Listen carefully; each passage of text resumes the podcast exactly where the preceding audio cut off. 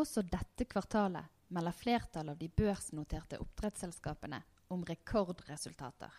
Grunnen er de høye lakseprisene. Men kan det fortsette sånn? Velkommen til Laksekast. Jeg heter Camilla Odland, og i denne podkasten har jeg med meg sjømatanalytikerne Alexander Aukner i DNB Markets og Carl Emil Kjølås Johannessen i Pareto Securities.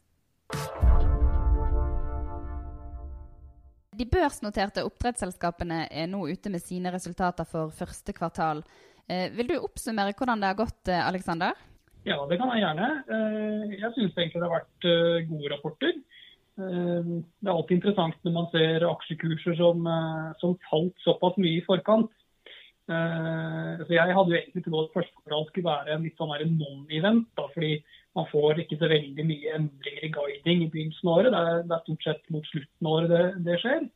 Men gitt at eh, kursene hadde falt såpass mye, så virket det som egentlig faktisk kunne bli et ganske spennende kvartal i forhold til eh, om det ble noen som helst endringer da, på, på, guidingen.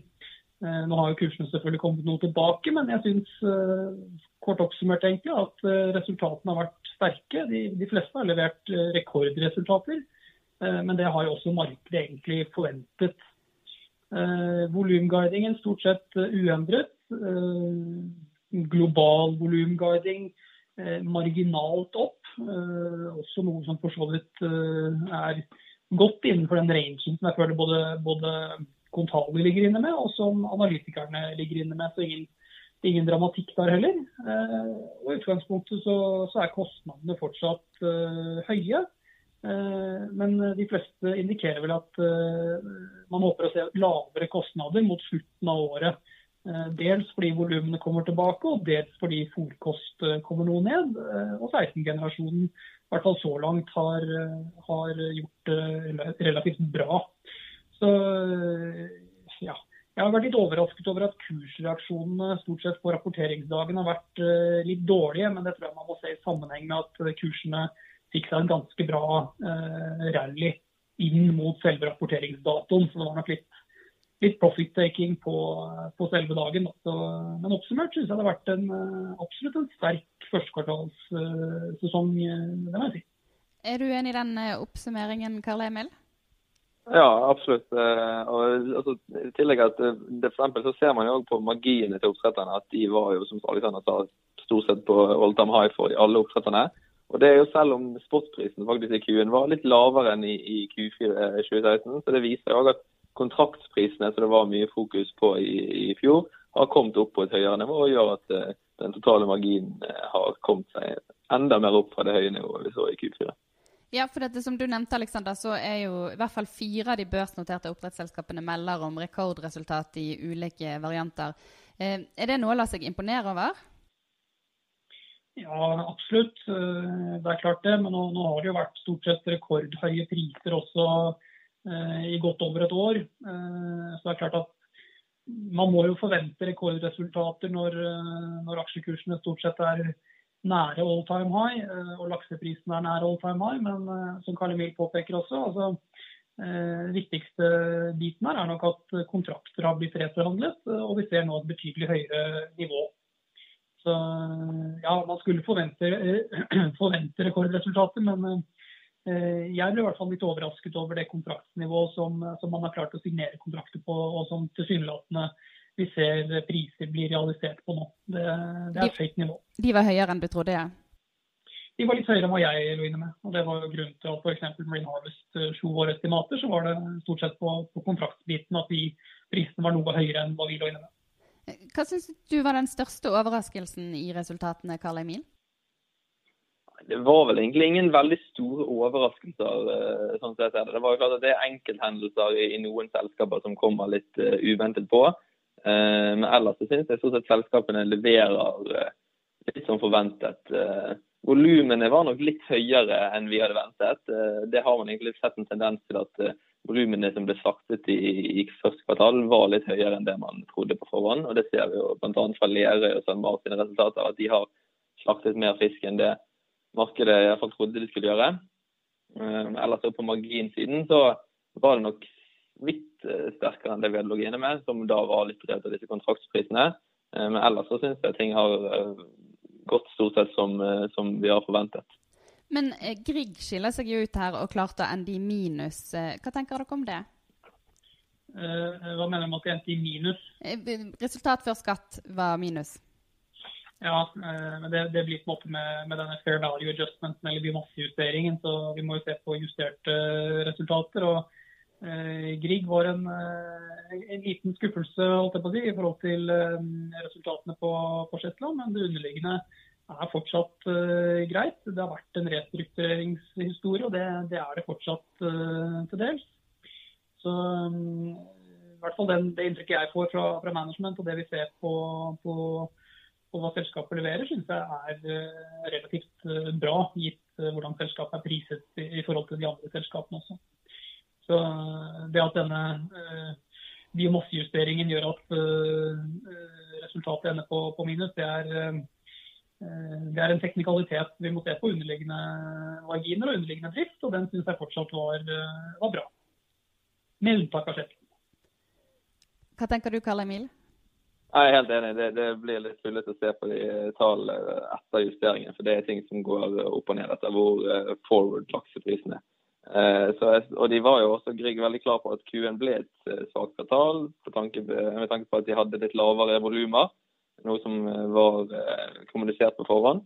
Og jeg vil si at I de områdene hvor de har normale volumer, så var det så et ganske bra resultat. og Jeg forventer at Grieg sine resultater skal bli betydelig bedre fremover når volumene Eh, kommer opp, og man blir eh, kvitt spesielt de sitene i Shetland som har vært eh, problematiske, og som selskapet nå skal stenge ned. Ja, for Noe av grunnen til at de hadde svakere resultat, var at de venta med å slakte fisk til seinere. Er det riktig strategi, mener dere? Grunnen er at fisken ikke er stor nok. Den er det er ikke planlagt at den fisken skal slaktes eh, nå i Q1. og Det er i deres slakteplaner at eh, den skal vokse seg større inn i Q2 og Q2 mot, også mot andre halvår.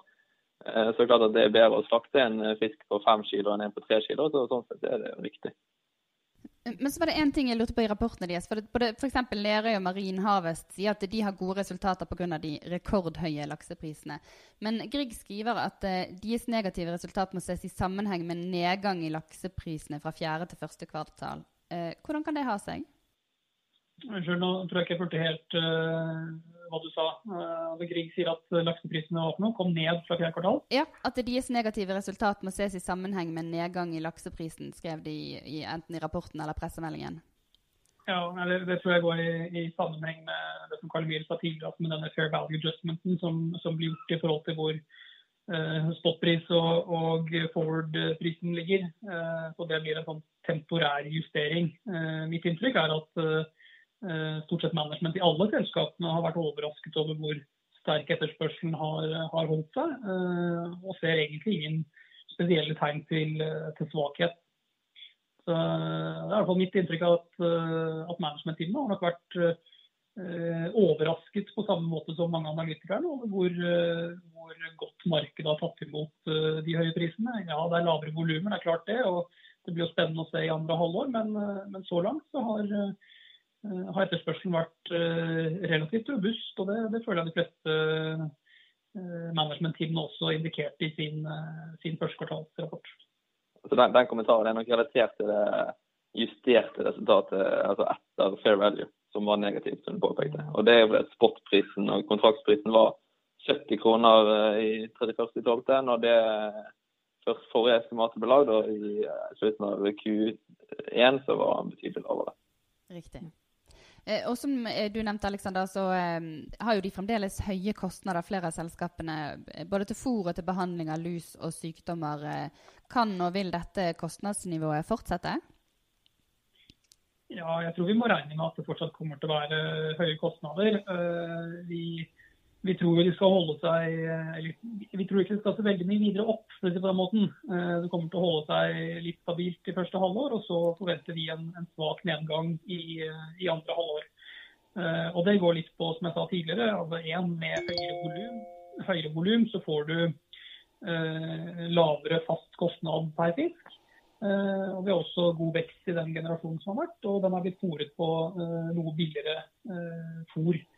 Så alt i alt så, så tror vi at kostnadene skal, skal, ned noe. Men det er klart at med den, med den, avkastningen man får i dag, og de marginene og prisene man får i dag, så vil jo oppdretterne stort sett være insentivert til å produsere så mye de kan. Og marginalkiloen vil alltid være dyrere enn den foregående kiloen Det er litt sånn som fra, fra oljeservice, hvor man går dypere og dypere ut og produserer vanskeligere og vanskeligere eh, felt. og Det blir litt samme her. da. Du, du, er villig til å produsere en laks eh, som du vet kommer til å koste deg noen kroner mer, hvis du vet at marginen din fortsatt er 20 eh, kroner kiloen.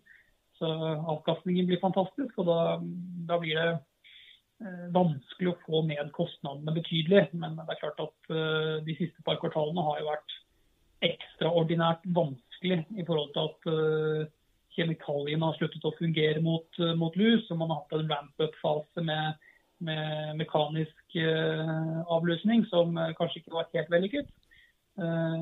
og Vi tror jo på en måte at, at i 17 så ser det ut som om selskapene har vesentlig bedre kapasitet når de går inn i sesongen og i den vanskelige sesongen, og også har litt mer trening for å si på den måten, da, i forhold til hvordan man skal håndtere dette med, med mekanisk avlusning på best mulig måte for fisken. Så, så, alt i alt så forventer jeg fortsatt høye kostnader, men uh, ikke noe høyere enn det vi har sett de siste to kvartalene. Mm. Uh, heller motsatt i andre år. Har du noe å tilføye, Karl Emil? Nei, jeg er stort sett enig i det Alexander sier. der. Og eh, også påvirker det med Fôrkostnaden tror jeg kan bli en, en viktig faktor. Fiske mellom fiskeoljeprisene som er den viktigste inntaksfaktoren i fôret, har kommet betydelig ned. Eh, og Det tror jeg vi vil se en effekt av i, i andre alder. og Bakkafoss bl.a. som produserer sitt eget fôr, de kommuniserte at uh, ser for seg at fôrkostnaden kom til å komme ned kanskje rundt to, nesten to kroner per kilo uh, i, i, andre halvår. Men du Alexander, du nevnte oljeserviceselskapene. Um, og Hvis vi skal dra den parallellen, så gikk jo ikke oljeprisen til himmels. Og det gikk jo ganske dårlig med de selskapene når den sank. Kan det skje i laksebransjen? Ja, det er klart at det kan skje. og det er, altså, nå er jo eh, Laks og olje eh, har noen likhetstrekk og, og, noen veldig forskjellige trekk. Men det som er felles, er at det å, å legge til kapasitet tar veldig lang tid. Eh, Norge har begrensninger på hva vi klarer å produsere, og Chile har begrensninger på hva de klarer å produsere. Eh, hvilket betyr at eh, skal man produsere mer fisk, så må du eventuelt etablere et nytt område, eller du må investere i i storsmolt.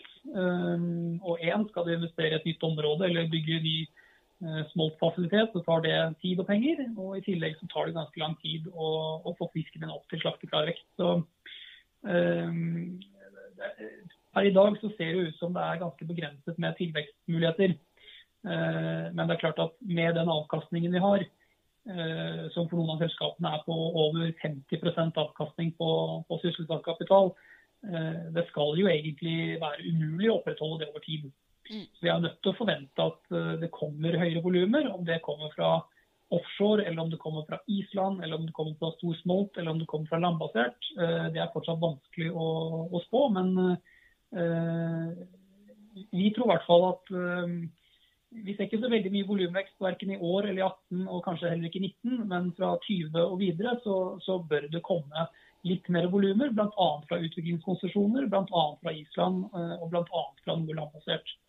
Og så blir selvfølgelig spørsmålet eh, hvilken pris har vi på det tidspunktet, og, og hvor, hvordan har egentlig etterspørselen beveget seg. Da. Men, eh, men per i dag, så, og innenfor den forecasting-perioden som, som, vi er i, så klarer vi egentlig ikke å se voldsom volumvekst. Men som sagt, det, er jo ikke mangel på gode ideer uh, og gode konsepter, men det tar tid å realisere. Så det må vel være det likhetstrekket vi ser med olje. ikke sant? At Skal du få et nytt felt opp å stå, så må du investere mye penger og du må eh, bruke ganske lang tid for den faktisk treffer markedet. Men eh, risken er jo selvfølgelig da at eh, mange forskjellige prosjekter mange forskjellige steder starter opp omtrent samtidig. da. Og Det kan jo selvfølgelig skje i, i laksemarkedet også, men per i dag så ser vi egentlig ikke hvor, hvor det skal komme nok volumer til, til, å knekke måte, prisen vesentlig. Og Hvordan blir da utviklingen fremover? fremover? Vil de gode resultatene til oppdrettsselskapene fortsette? Ja, vi, vi, tror i hvert fall at det kommer til å fortsette i hvert fall de neste to årene. det er klart at det som er litt påfallende, er at selskapene investerer jo to-tre ganger så mye som det de skriver av. Man er nødt til å investere veldig mye for å få noe som helst vekst. Og Det betyr at for å få samme avkastning på kapitalen, så er du nødt til å ha en høyere margin.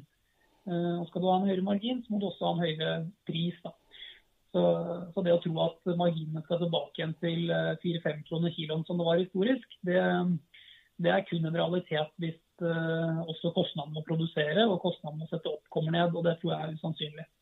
Så jeg tror vi kommer til å ha et strukturelt uh, høyere marginbilde fremover enn det vi har sett uh, tidligere. Um, men det tror jeg også vi trenger for å på en måte rettferdiggjøre avkastning på kapital.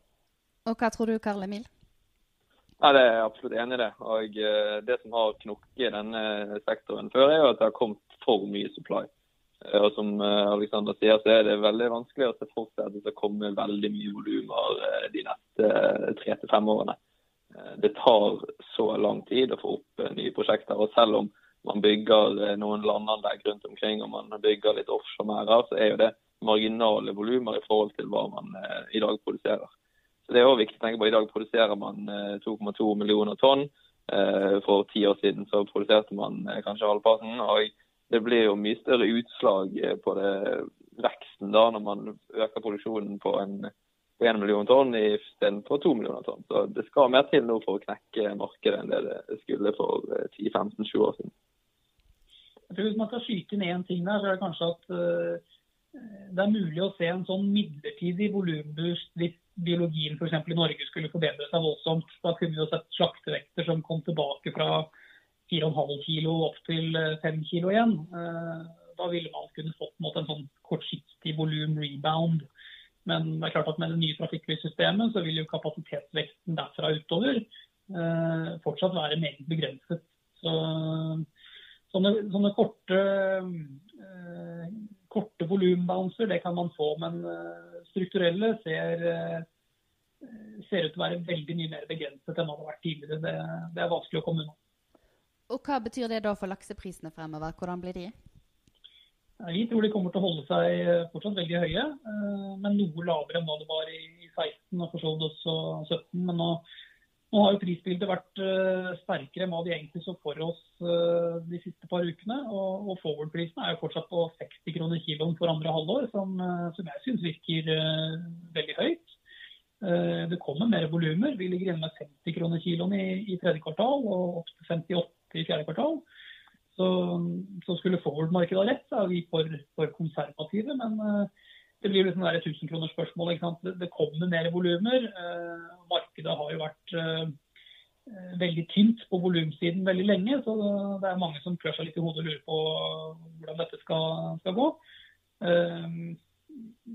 Jeg tror det kommer til å gå relativt greit. og Skulle vi komme til 50 kroner kiloen i tredje kvartal, det, det er fortsatt et, eh, et, veldig høyt tall eh, relativt sett. Så jeg er ikke så fryktelig bekymret. Er du bekymret, ja, vi... Emil? Nei, altså vi er ganske enige med, med Alexander der at prisen i andre halvår skal absolutt ned fra de nivåene vi har nå. Vi ligger med 56 i Q3 og 57 i Q4, så litt mer optimistisk kan man si. Men fortsatt skal det ned. Men som Alexander sier, de tjener fortsatt vanvittig mye penger på disse prisene her. og Grunnen til at prisene kommer ned, er jo fordi at volumene kommer opp. Eh, så selskapene sine totale resultater kommer til å bli enda bedre i andre halvår enn i første halvår, fordi de rett og slett har eh, mye mer eh, volumer.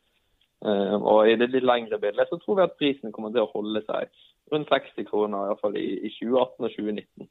Og Så vil det selvfølgelig være sesongvariasjoner innad i året med høyere priser typisk i første halvår enn i, i andre halvår. Og da lar vi det være siste ord. Tusen takk skal dere ha, begge to. Bare Du har nå hørt på Laksekast, Sysla sin faste podkast om havbruksnæringen. Du kan abonnere på podkasten i iTunes eller din faste podkastspiller. På gjenhør.